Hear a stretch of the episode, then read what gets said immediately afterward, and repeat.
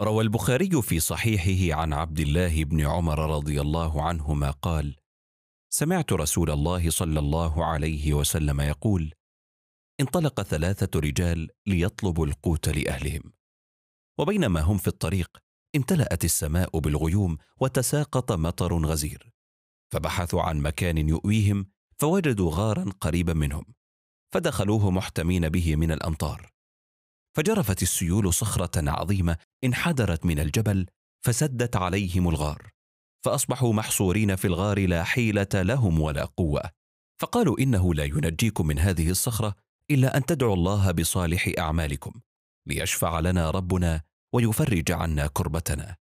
فقال أحدهم اللهم كان لي أبوان كبرا في السن وكنت لا أشرب الحليب أبدا قبلهما وفي يوم ابتعدت في طلب المرعى فرجعت إليهما ليلا حتى ناما فحلبت لهما الحليب وكرهت أن أشرب قبلهما فلبثت والإناء في يدي أنتظر أن يستيقظا. وكان صغاري يبكون عندي من الجوع وكرهت أن أوقظهما.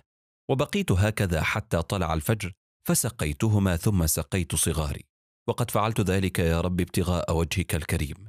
ففرج عنا ما نحن فيه من هذه الصخرة. فانفرجت انفراجة بسيطة لا يستطيعون الخروج منها. ثم قال الثاني اللهم كانت لدي ابنة عم كانت أحب الناس إلي فكان يعصمها إيمانها مني. فتأبى حتى جاءت بها سنة من السنين احتاجت إلى المال. فجاءتني فقالت لي لن تنال ذلك حتى تعطيني مبلغا كبيرا من المال. ففعلت ذلك على أن تخلي بيني وبين نفسها حتى إذا قدرت عليها فكانت تنتفض وترتجف فسألتها عن سبب رجفتها فقالت أن ذلك مخافة من الله. فتحرجت من ذلك وخرجت ابتغاء وجهك وتركت الذي أعطيتها إياه. فيا رب فرج عنا ما نحن فيه. فانفرجت الصخرة ولكنهم أيضا لم يستطيعوا الخروج. وقال الثالث اللهم إني استأجرت أجراء فأعطيتهم أجرهم ما عدا رجل واحد ترك ماله وذهب. فثمرت أجره حتى أصبح كثيرا. فجاءني بعد وقت طويل يريد أجره القليل فأعطيته كل المال الذي نتج عن ماله فأخذه ولم يترك منه شيئا وإني قد رددت الأمانة ابتغاء وجهك ففرج عنا ما نحن فيه. فانفرجت الصخرة وخرجوا يمشون. إن سبيل الخلاص عندما تحيط بنا الكربات وينقطع حبل الرجاء من العباد اللجوء إلى من لا ينقطع الحبل من الرجاء والتوسل إليه فإنه جل في علاه يجيب المضطر إذا دعاه ويكشف السوء فلا ينجينا الله إلا أن ندعوه بصالح أعمالنا. روى البخاري في صحيحه عن أبي هريرة رضي الله عنه أنه سمع رسول الله صلى الله عليه وسلم يقول كان في بني إسرائيل ثلاثة رجال كان أحدهم أبرص والثاني أقرع والثالث أعمى أراد الله عز وجل أن يختبرهم ويمتحن صبرهم وإيمانهم فبعث إليهم ملكا ذهب الملك إلى الأبرص وقال له أي شيء أحب إليك؟ قال الأبرص لون حسن وجلد حسن فقد تجنبني الناس خوفا من العدوى ومن قذارة منظر جلدي. فمسح الملك جلده فذهب عنه البرص وأصبح له لون حسن وجلد حسن. فقال الملك أي المال أحب إليك؟ قال الإبل. فأعطاه الملك ناقة حاملة وقال له بارك الله لك فيها. ثم ذهب الملك إلى الأقرع وقال له أي شيء أحب إليك؟ قال الأقرع شعر حسن. فقد قذرني الناس. فمسحه الملك فأصبح شعره حسنا. ثم قال الملك فأي المال أحب إليك؟ قال البقر. فأعطاه بقرة حاملة وقال له يبارك الله لك فيها. وبعد ذلك ذهب الملك إلى الأعمى وقال له أي شيء أحب إليك؟ فقال الأعمى أن يرد الله إلي بصري فأبصر به الناس. فمسحه الملك فرد الله إليه بصره. ثم قال الملك فأي المال أحب إليك؟ قال الغنم فأعطاه شاة والدا مضت السنوات واصبح الثلاثه من الأغنياء وكثرت الإبل والأبقار والأغنام فأصبح للأول واد من إبل وللثاني واد من بقر وللثالث واد من غنم وفي يوم من الأيام رجع الملك إلى الأبرص في صورته التي نزل إليه بها من قبل وقال له إني رجل مسكين ليس معي مال ولا زاد في سفري فلا بلاغ اليوم إلا بالله ثم بك أسألك بالذي أعطاك اللون الحسن والجلد الحسن والمال أن تعطيني بعيرا أستعين به في سفري. فقال له إن الحقوق كثيرة. فقال الملك كأني أعرفك. ألم تكن أبرص يتحاشاك الناس فقيرا فأعطاك الله فأنكر الرجل نعمة الله عليه. فقال الرجل لقد ورثت هذا المال عن آبائي وأجدادي. فقال الملك إن كنت كاذبا فصيرك الله إلى ما كنت.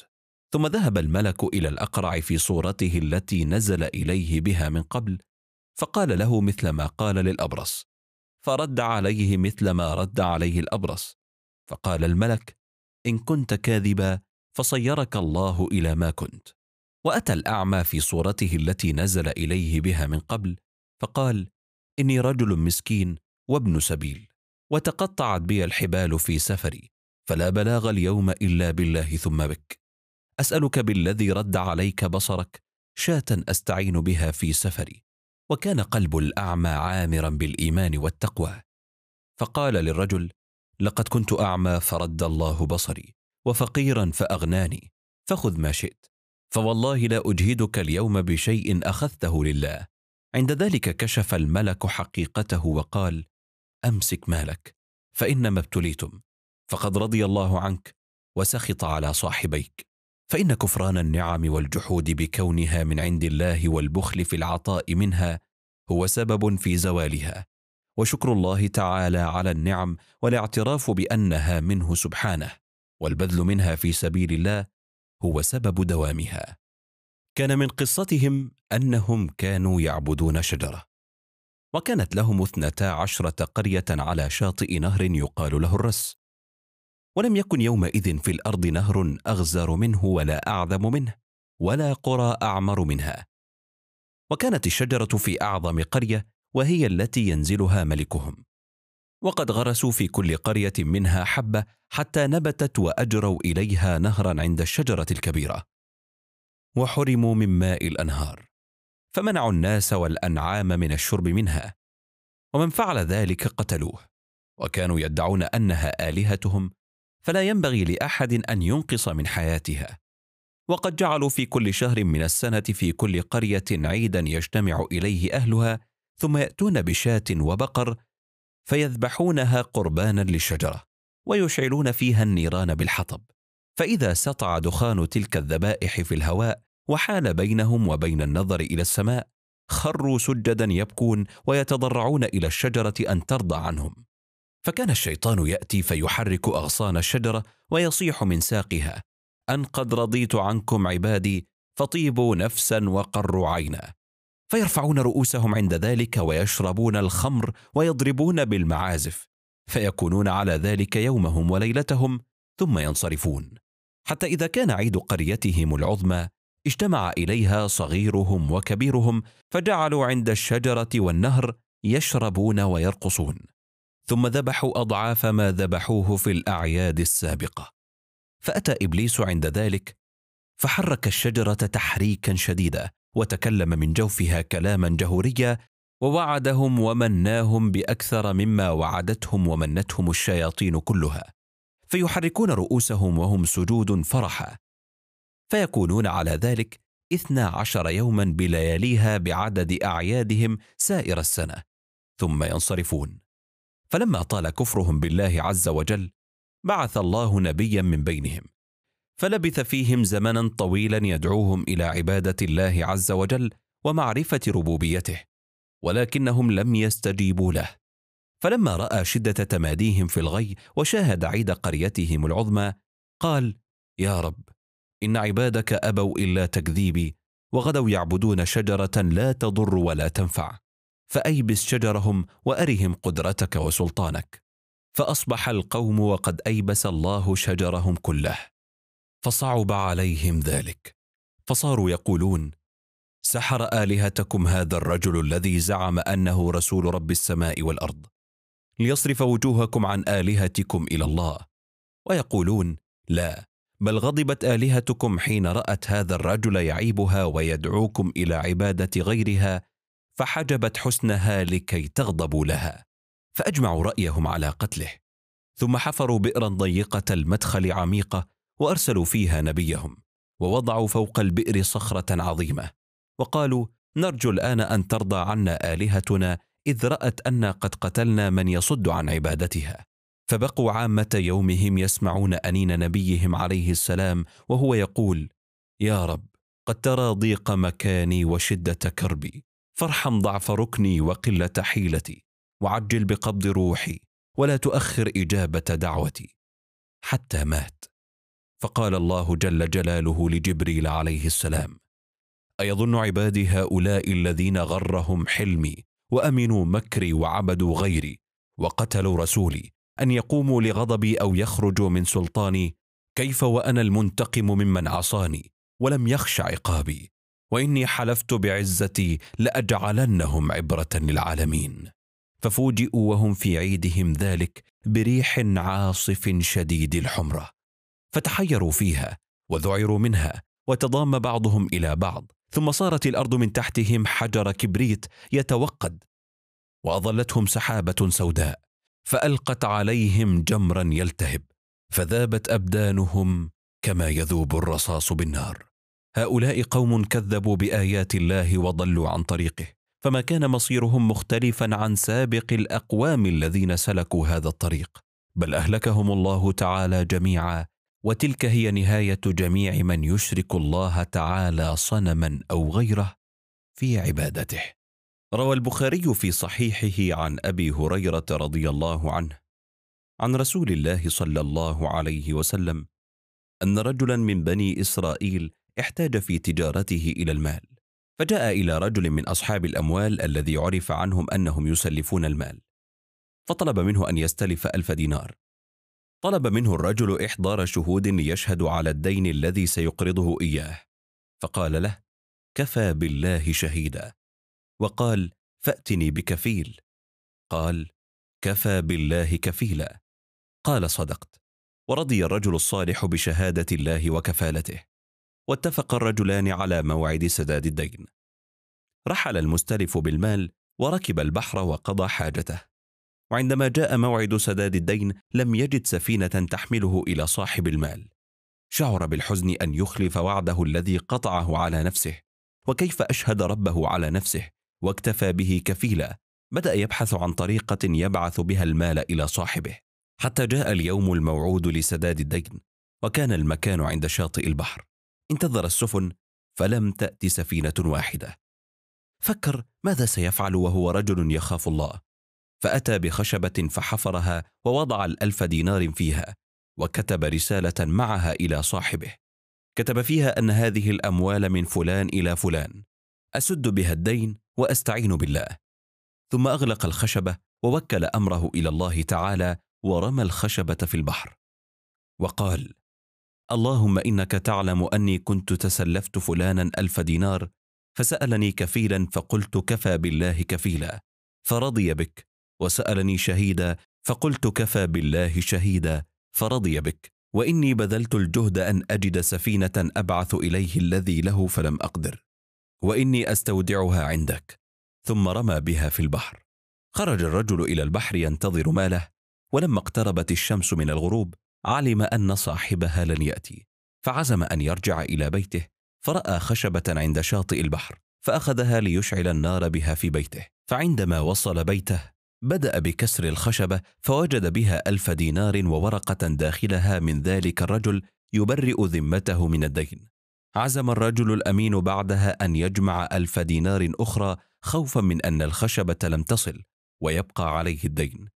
فبحث عن سفينة في يوم آخر فوجد سفينة سافر بها إلى الشاطئ الآخر متاخرا عن الموعد فجاءه فقال له والله ما زلت جاهدا في جلب سفينة لآتيك بمالك فما وجدت سفينة قبل الذي آتي فيها وأعطاه الألف دينار.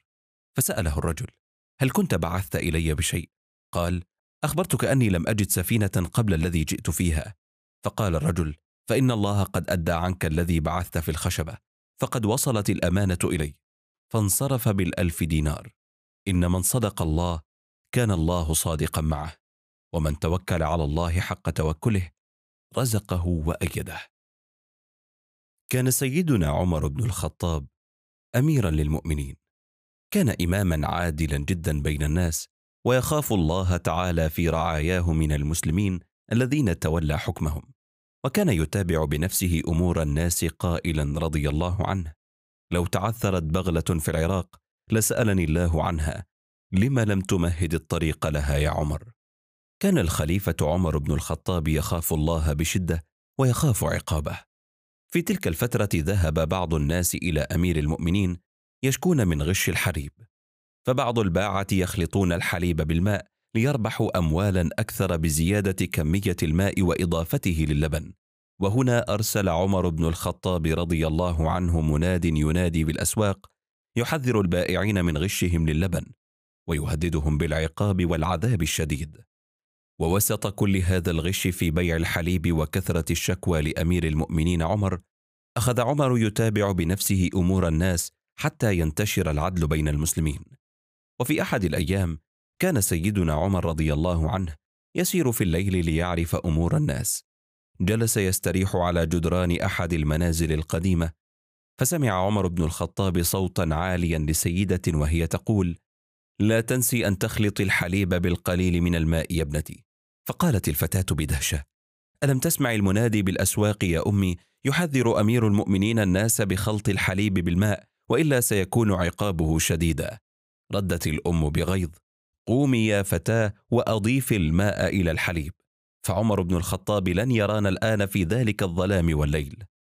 قالت الفتاة بحزن يا أمي إن كان عمر بن الخطاب لا يرانا فماذا عن رب عمر الذي لا ينام ولا يغفل؟ فإن الله تعالى يرانا. فوالله يا أمي ما كنت أطيعه في العلن وأعصيه في السر أبدا. وهنا سمعها سيدنا عمر رضي الله عنه وأمر خادمه الذي يرافقه بوضع علامة على باب المنزل. ليعود في الصباح للمنزل. عاد الخادم في اليوم التالي صباحا ليعرف من تكون الفتاة وهل هي متزوجة أم لا. كما أمره عمر بن الخطاب رضي الله عنه. عرف الخادم بأن الفتاة تسمى أم عمارة. عاد الخادم إلى منزل أمير المؤمنين رضي الله عنه وأخبره عن الفتاة. قام عمر رضي الله عنه وأحضر أبناءه الثلاثة عبد الله وعاصم وعبد الرحمن. وقال لهم سيدنا عمر رضي الله عنه لو كان بأبيكم حركة إلى النساء ما سبقه أحد إلى هذه الجارية ولا تزوجها. فقال عبد الله وعبد الرحمن بأنهما متزوجين وهنا قال عاصم أنا ليس لي زوجة فزوجني بها يا أبي. أرسل عمر بن الخطاب إلى الفتاة وطلبها للزواج من ابنه عاصم وكان من أفضل الرجال خلقا ودينا. وأنجبت أم عمارة من عاصم بنتين. حفصة وليلى بنت عاصم بن عمر بن الخطاب وتزوجت ليلى من عبد العزيز بن مروان ابن عبد الملك بن مروان الخليفة الأموي. وأنجبت منه عمر بن عبد العزيز خامس الخلفاء الراشدين رضي الله عنه وأعدل الخلق رضي الله عنه. كان في صفاته كصفات عمر بن الخطاب رضي الله عنه وأرضاه. إن حفظ الله تعالى في الخلوات من علامة المؤمن التقي. الذي يعلم أن عين الله تلاحقه أينما ذهب. وإن الشعور بالمراقبة يورث عند المؤمن محاسبة النفس والخوف من فعل الذنوب. روى البخاري في صحيحه عن أبي هريرة رضي الله عنه أنه سمع رسول الله صلى الله عليه وسلم يقول أراد رجل أن يتصدق صدقة خفية لا يتطلع عليها إلا الله عز وجل. فخرج في ظلام الليل يبحث عمن يضع له الصدقة في يده. فرأى رجلا ظن أنه فقير فأدى له مال الصدقة وكان ذلك الرجل سارقا. فأخبر اللص بما جرى معه فذاع الخبر بين الناس أسواقهم ومجامعهم فسخر الناس من الخبر وهم لا يعرفون صاحبه فآلمه ذلك وأحزنه فقال اللهم لك الحمد على سارق. وشعر الرجل أن صدقته ذهبت هباء منثورا ولم يتقبلها ربه. فعزم في الليلة التالية أن يعيد المحاولة. فخرج في ظلام الليل ووضع صدقته في يد امرأة ظنها فقيرة فإذا هي زانية. أخبرت الزانية بما حدث معها كما فعل السارق وذاع الخبر بين الناس حتى بلغ الرجل فازداد حزنا وألما. وقال اللهم لك الحمد على زانية. ثم عزم على أن يعيد المحاولة مرة ثالثة طلبا للأجر والثواب. فخرج في ظلام الليل يبحث عن من يضع الصدقة في يده فوقعت صدقته في يد رجل غني. فانفطر قلب الرجل حزنا وكمدا لأنه لم يصب ما كان يريد ثلاث مرات. وظن أن أعماله ذهبت كالسراب. فخاطب الرجل ربه قائلا اللهم لك الحمد على سارق وعلى زانيه وعلى غني. وفي يوم جاء الرجل في منامه بشرى بأن الله تعالى قبل صدقته وأثابه عليها وأعلمه بحكمه العظيمة من وراء التصدق على هؤلاء الثلاثة. فلعل السارق يمتنع بها عن سرقة الناس ولعل الزانية تستعف بها عن الزنا ولعل الغني يتصدق من ماله اقتداء بهذا الرجل. الذي كان يتصدق في غسق الليل ساترا نفسه عن العباد طالبا الأجر من رب العباد. كان الرجل يبتغي أن يرزقه الله الأجر والثواب. لم يكن يعلم هذا الرجل أن الله تعالى يجازي من يبذل من ماله ابتغاء الثواب من الله وإن كان المتصدق له لا يستحق الصدقة. إن قبول الأعمال من الله تعالى بقدر ما يتحقق به الإخلاص في العمل فكانت صدقة الرجل مقبولة وإن وقعت في يد من لا يريد المتصدق أن تقع في يده.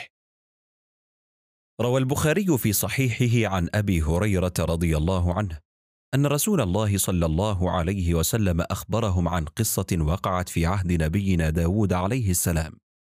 خرجت امرأتان معهما ابناهما فجاء الذئب فاختطف ابن إحداهما ليفترسه فقالت إحداهما لصاحبتها لقد ذهب بابنك أنت. وقالت الأخرى إنما ذهب بابنك. فاختصمت المرأتان في الولد وكانت كل منهما تدعي أنه ولدها. فتحكمتا إلى النبي داود عليه السلام. اجتهد نبي الله داود عليه السلام في الحكم بينهما. فحكم بالولد إلى المرأة الكبرى. خرجت المرأتان وتوجهتا إلى نبي الله سليمان عليه السلام فاختصمتا عند النبي. فكر النبي سليمان في طريقة يعرف بها الأمة الحقيقية. فطلب ممن حوله أن يأتوه بسكين ليشق الغلام بينهما إلى نصفين فيعطي كل واحدة منهما نصفا وبذلك يعدل بين المرأتين في الحكم. ظنت المرأتان أن النبي سليمان جاد وعازم على تحقيق حكمه بينهما وهنا ظهر رد فعل كل واحدة منهما. فالأم الحقيقية هي التي جزعت من الحكم فصرخت المرأة الصغرى عندما شعرت أن ولدها سيهلك فقالت لا تفعل يرحمك الله هو ابنها طابت نفسها به للأخرى لأنه سيبقى ويحيا وإن كانت ستحرم من رعايته وتربيته. أما المرأة الكبرى فقد قبلت بحكم سليمان ولم تنطق بشيء ورضيت بهلاك الغلام.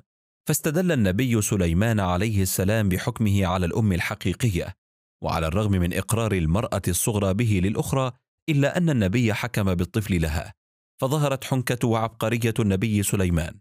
توصل النبي بطريقة الحيلة والملاطفة إلى معرفة باطن القضية. اختبر سليمان شفقة كل منهما على ولدها. فلما قبلت الكبرى بالحل فعلم بأنها ليست أمه. حدثت القصة بعد أن هاجر النبي صلى الله عليه وسلم من مكة إلى المدينة بأربع سنين. وكانت العلاقة بين الأوس والخزرج متوترة. وكان بينهم حروب طويلة.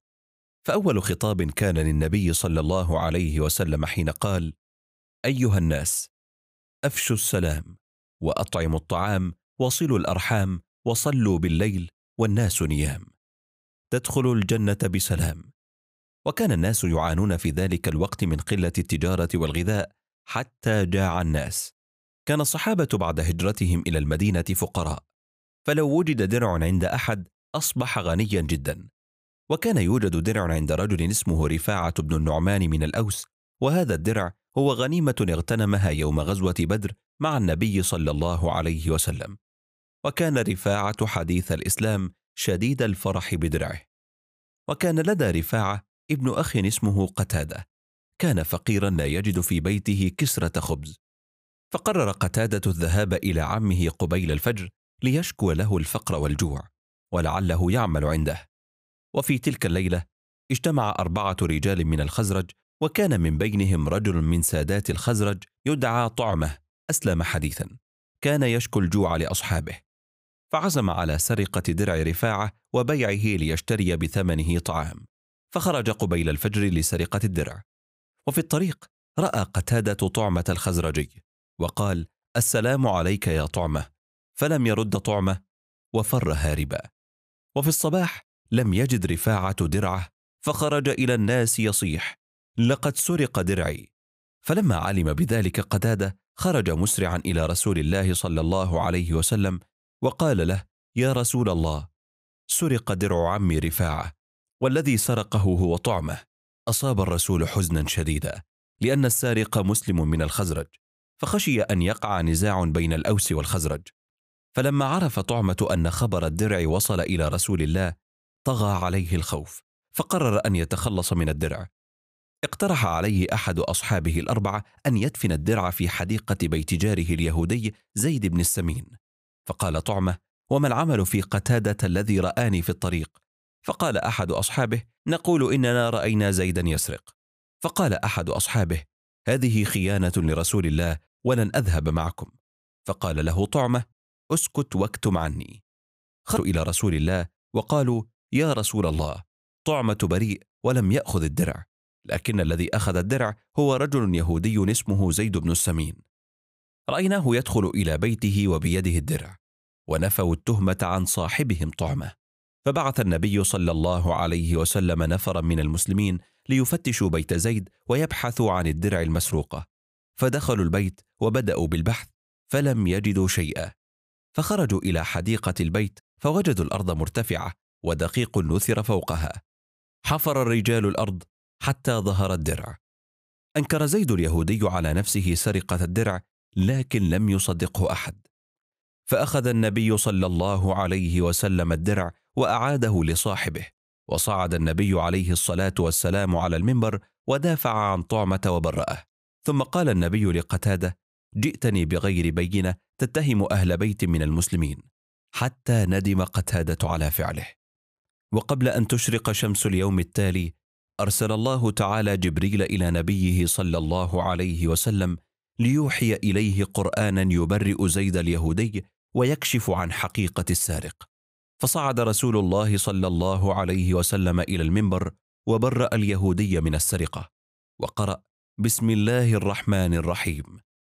يستخفون من الناس ولا يستخفون من الله وهو معهم إذ يبيتون ما لا يرضى من القول وكان الله بما يعملون محيطا. ها أنتم هؤلاء جادلتم عنهم في الحياة الدنيا فمن يجادل الله عنهم يوم القيامة؟ أم من يكون عليهم وكيلا؟ ومن يعمل سوءا أو يظلم نفسه ثم يستغفر الله يجد الله غفورا رحيما. ومن يكسب إثما فإنما يكسبه على نفسه وكان الله عليما حكيما. ومن يكسب خطيئة أو إثما ثم يرم به بريئا فقد احتمل بهتانا وإثما مبينا. فقام قتادة يبكي ويقول صدق الله صدق الله صدق الله.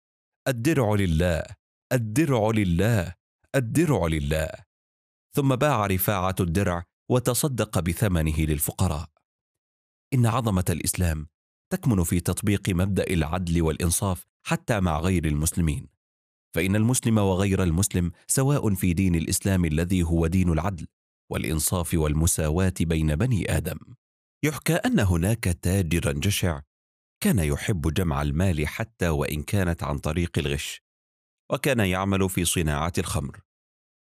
كان التاجر العجوز لديه عامل واحد يستغله ويهلكه في العمل وكان يأمره بخلط الماء بالخمر لكي تزيد كميتها ويبيعها بسعر مضاعف.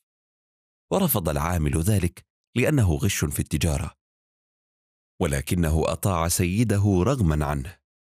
وكان التاجر يبيع الخمر لأصحاب الحانات والبحارة وفي مرة باع صندوقين من الخمر في مقابل مركب قديمة لبحار وحصل على المركب وانتقل للعمل بها في البحار. وكان التاجر يغش في بضاعته فكان يخلط الخمر بماء البحر المالح وكان التاجر شديد الظلم للعامل. اشتكى العامل من كثرة العمل في مقابل ضعف الأجر وطلب من التاجر مضاعفة أجره. إلا أن التاجر رفض وطرده من العمل. ذهب في يوم إلى إحدى الحانات وكان صاحب الحانة التي يتعامل معها التاجر يمتلك قردا صغيرا يجيد التمثيل ولكن القرد تسبب في مشكلة مع أحد الزبائن فطرده صاحب المحل. رأى التاجر القرد وأعجب بذكائه فأخذه ليعلمه خلط الخمر بالماء ويعمل لديه بلا مقابل فكان القرد ذكي سريع البديهة عمل عند التاجر بكل نشاط ولكن عاد العامل للتاجر بسبب شدة الجوع يطلب منه العودة إلى العمل واقترح عليه أن يعمل لديه مقابل الطعام فقط وبلا أجر ووافق التاجر واستمر في إهانته ومعاملته بطريقة سيئة حتى أنه طلب منه أن يتعلم من القرد ويسليه ويرفه عنه وعندما حصل التاجر على أجر كبير حقق القرد العدالة. فأمسك كل حصيلة أموال التاجر وأخذ يرمي درهما في البحر ودرهما للتاجر. ثق أن كل ما تعطيه للناس سيعود عليك ولن تبخس مقدار ذرة. هذا عدل الله بقدر ما أعطيت بقدر ما ستأخذ. فيجب أن تكون محسنا في تعاملك مع الآخرين وعادلا في حياتك.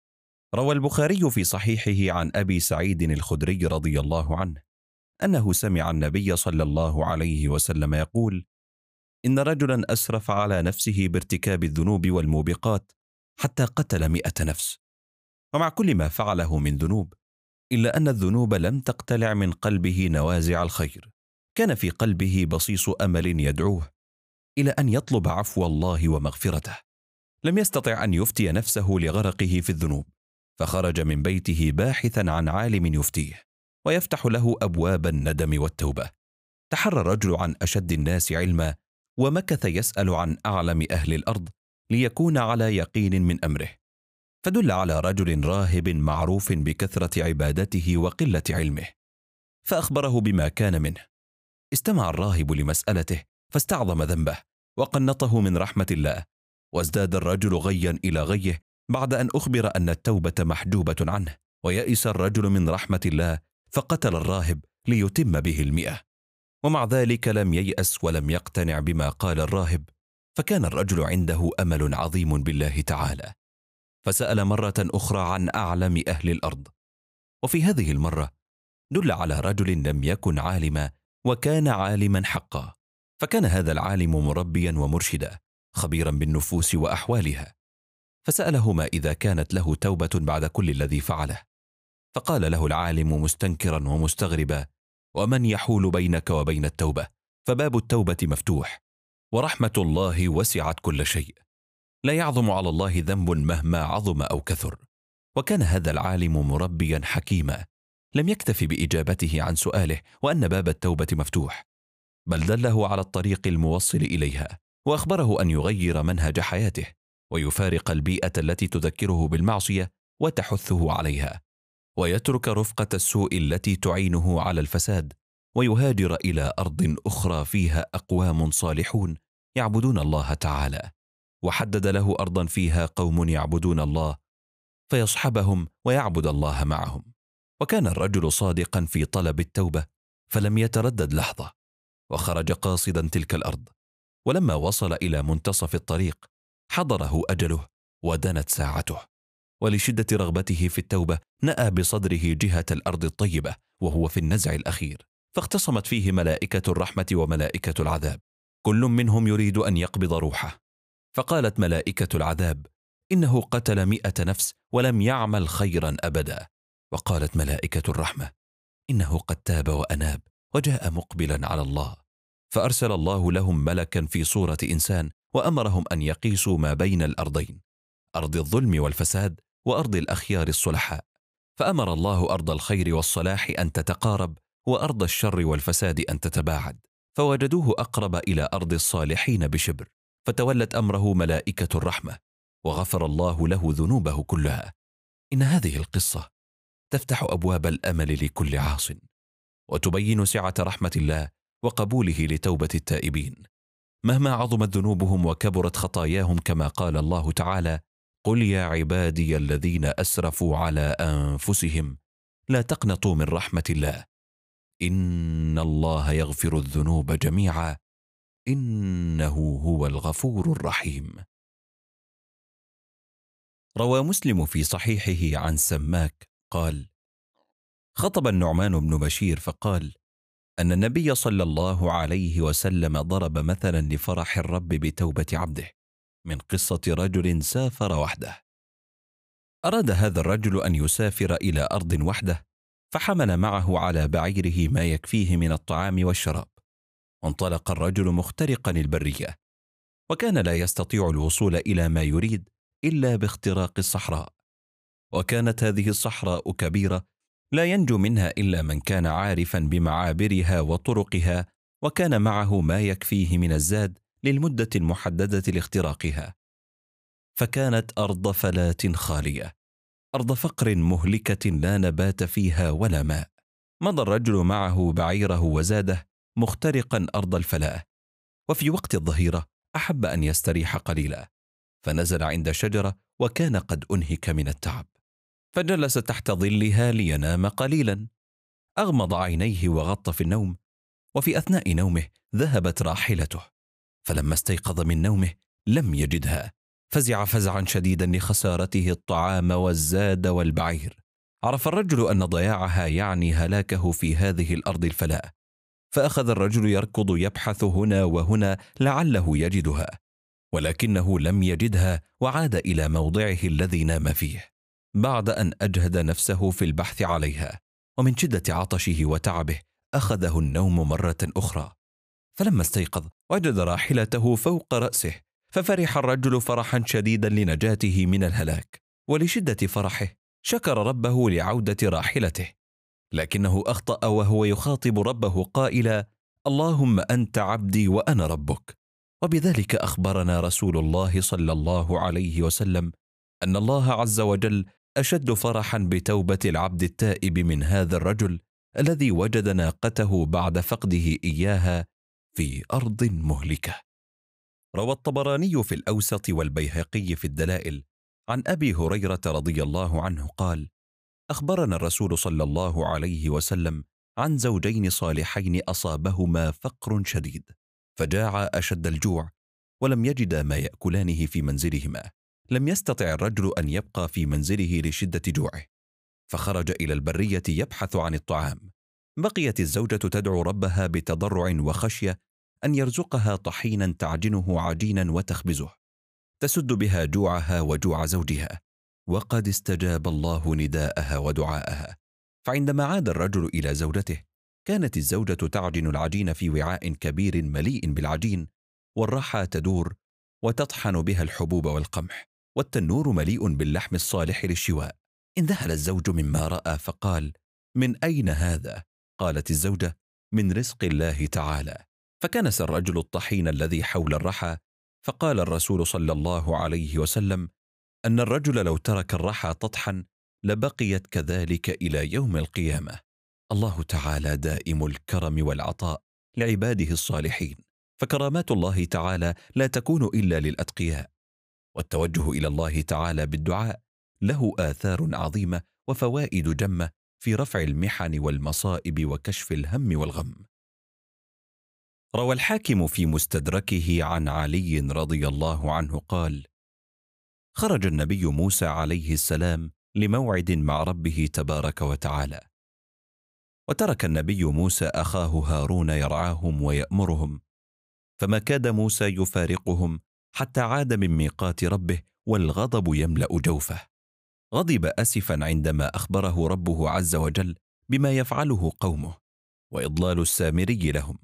فلما وصل إلى قومه هاله منظر الشرك فرآهم عاكفين على عبادة جسد عجل لا روح فيه ولا حياه لامهم النبي موسى عليه السلام فأخبروه سبب فعلتهم هذه وأنهم قذفوا الحلي والذهب فكان هذا الذهب محرما عليهم فصاغه لهم السامري عجلا فأخذ قبضة من طين مست جبريل عليه السلام وقذفها فيه فأخرج لهم عجلا جسدا له صوت خوار.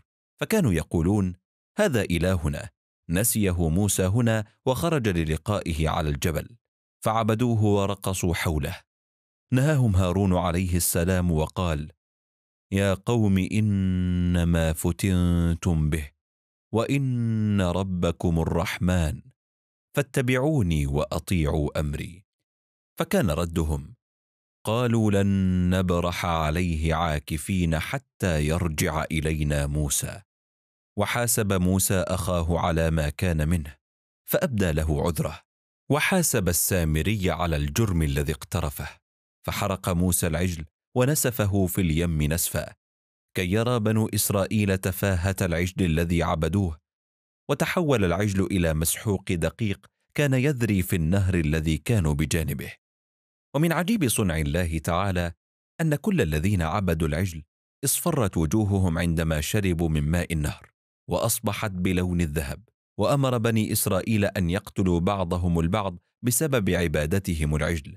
فأخذوا السكاكين وجعل الرجل لا يبالي بمن قتله فيقتل أباه وأخاه وابنه حتى قتل منهم سبعون ألفا. فأوحى الله إلى موسى عليه السلام يأمره بإيقاف القتل فقد غفر لمن قتل وتاب على من بقي. فكانت عاقبة الله تعالى للسامري هو غضب الله على المفتري وضربه بالذلة في الدنيا. فقال تعالى إن الذين اتخذوا العجل سينالهم غضب من ربهم وذلة في الحياة الدنيا وكذلك نجزي المفترين. والذين عملوا السيئات ثم تابوا من بعدها وآمنوا. إن ربك من بعدها لغفور رحيم. روى البخاري في صحيحه عن حذيفة رضي الله عنه. سمع رسول الله صلى الله عليه وسلم يقول عاش رجل من قبل ولم يكن هذا الرجل كثير العبادة ولكنه كان كثير المال. فوسع الله عليه رزقه حتى أصبح من كبار التجار فكان الناس يقصدونه في طلب المال فإذا جاء أحدهم إليه نظر في حاله وإن كان موسرا لم يعجل في طلب ماله وإن كان معسرا تجاوز عنه فأسقط الدين فكان هذا الرجل كثير العفو والعطاء واسع الرأفة بأحوال الناس واستمر في هذا العمل طوال حياته. وكان يأمر فتيانه أيضا أن يتجاوزوا ويعفوا عن الناس. فلما حانت لحظة وفاته أتاه ملك الموت ليقبض روحه. فسألته الملائكة عن أعماله الخيرة التي عملها في الدنيا فلم يجد لنفسه عملا من أعمال الخير. فلما أجاب بالنفي طلبت منه الملائكة أن يمعن النظر. فلم يجد لنفسه عمل خير إلا أنه كان يعمل تاجرا. فيوصي فتيانه الذين يعملون عنده أن ينظروا الموسر ويتجاوزوا عن المعسر وكان يعلل لهم ما يأمرهم به قائلا لعل الله يتجاوز عنا. فحقق الله رجاءه فتجاوز عنه وغفر له بتجاوزه وعفوه في تعامله. إن المخلص في تجاوزه عن المعسر موعود بتجاوز الله عنه عندما يلقاه. فمن سعة رحمة الله تعالى أن ينال العبد الأجر العظيم على عمله القليل. فإن السعي لقضاء حوائج المسلمين والوقوف معه من أنفع الأعمال. روى البخاري في صحيحه عن أبي هريرة رضي الله عنه سمع عن رسول الله صلى الله عليه وسلم في قديم الزمان وفي أحد الأيام كان الجو شديد الحرارة. كان هناك رجل يسير خارج دياره يسير في الصحراء بعيدا عن المساكن وأثناء سيره عطش الرجل عطشا شديدا. أخذ يبحث عن الماء إلى أن وصل الرجل إلى بئر لا يوجد عليها سقاء. فنظر الرجل إلى البئر فوجدها عميقة جدا ولا يوجد حبل ولا دلو. فنزل الرجل إلى أسفل البئر بحذر فشرب حتى ارتوى ثم صعد وخرج من البئر. فوجد الرجل كلبا يزحف على الأرض ويلهث من شدة العطش والتعب. وبدأ يضع لسانه على التراب الرطب بجانب البئر ليخفف من شدة عطشه. حتى كاد الكلب أن يهلك. نظر الرجل إلى الكلب العطش وتألم لحاله وتذكر حاله قبل أن ينزل البئر ويروي ظمأه. فقد بلغ العطش بالكلب مثل الحال التي كانت به. فكر الرجل كيف سيسقي الكلب ولا دلو عنده يخرج به الماء. فقد نزل الرجل إلى البئر بنفسه فشرب. وكان لابد أن يحمل الماء إلى الكلب ليشرب. بحث الرجل عن شيء يحمل فيه الماء إلى الكلب فلم يجد. وظل الرجل يفكر فلم يجد وسيلة لإخراج الماء من البئر إلا بنزع خفه ونزول البئر ونقل الماء بها إلى الكلب. فنزع الرجل خفه لكنه وقف متحيرا كيف يصعد. لا يستطيع أن يصعد وهو يمسك بالماء. ومن قوة الرحمة التي حلت بقلبه لم يجد حلا سوى أن يمسك الخف بفمه. فنزل الرجل مرة أخرى إلى البئر وملأ خفه بالماء وأمسكه بفمه ثم صعد وقدم الماء للكلب. فشرب الكلب حتى ارتوى وذهب ظمأه. فشكر الله عز وجل فعل الرجل فغفر له ذنبه. لا تحقرن من المعروف شيئا. فلا تدري ما يكون سبب دخولك الجنة منه. فإن الجزاء من جنس العمل. والله عز وجل رحمته واسعة. يعطي العطاء الجزيل على العمل القليل. فإن الإحسان إلى الحيوان تغفر به الذنوب ويقرب العبد إلى ربه. روى مسلم في صحيحه عن أبي هريرة رضي الله عنه عن النبي صلى الله عليه وسلم أن رجلا صالحا كان يمشي في صحراء فإذا به ينظر إلى السماء فيرى في السماء سحابة فيسمع صوتا يقول اسق أرض فلان ونطقت باسم الشخص نفسه صاحب الأرض. فأدرك السامع أن صاحب تلك الأرض رجل فاضل وصالح فأراد أن يعرف من هو الرجل الذي ذكر اسمه في السحاب فحدق بنظره حيث أفرغت السحابة ماءها فإذا هي قد أمطرته في أرض كانت مليئة بالحجارة السوداء. ونظر الرجل باتجاه الأمطار التي سقطت على الأرض فوجدها تشكل وتتجه باتجاه معين. ونظر الرجل ليجد صاحب هذا الحقل يقبل على العين المليئة بالماء ويحفر بالفأس طريقا ليسير فيه الماء ويصل إلى أرضه وبالفعل روى الماء أرضه كلها. فتوقف ذلك الرجل عند صاحب الحديقة وسأله عن اسمه فعرف أنه الاسم الذي سمعه في السحاب. فاستغرب صاحب الحديقة من سؤال السائل فحدثه عن خبر سماع اسمه من السحاب وأن هناك امرا صدر للموكلين بتلك الغمامة بسقي حديقته. سأل الرجل صاحب الحديقة عن السبب الذي استحقه كي تؤمر السحابة بسقي حديقته إذ إنه لا شك بأنه قد عمل عملا أرضى به وجه الله تعالى فقال له أنه يجمع إنتاج حديقته ويقسمها إلى ثلاثة أقسام الأول يتصدق بها على المحتاجين والفقراء وكل من يحتاج والثاني يجعله لمعيشة أهله وعياله والثالث يرده في حديقته إن هذا الكون هو ملك لله وحده. فالله ربه وخالقه والمتصرف فيه. فإذا استقام العبد على أمر الله أمر الله تعالى الكون برعايته والتصرف به بما هو خير وصلاح لعبده. فإذا رضي الله عن العبد سخر له ما شاء من الأرض والسماء.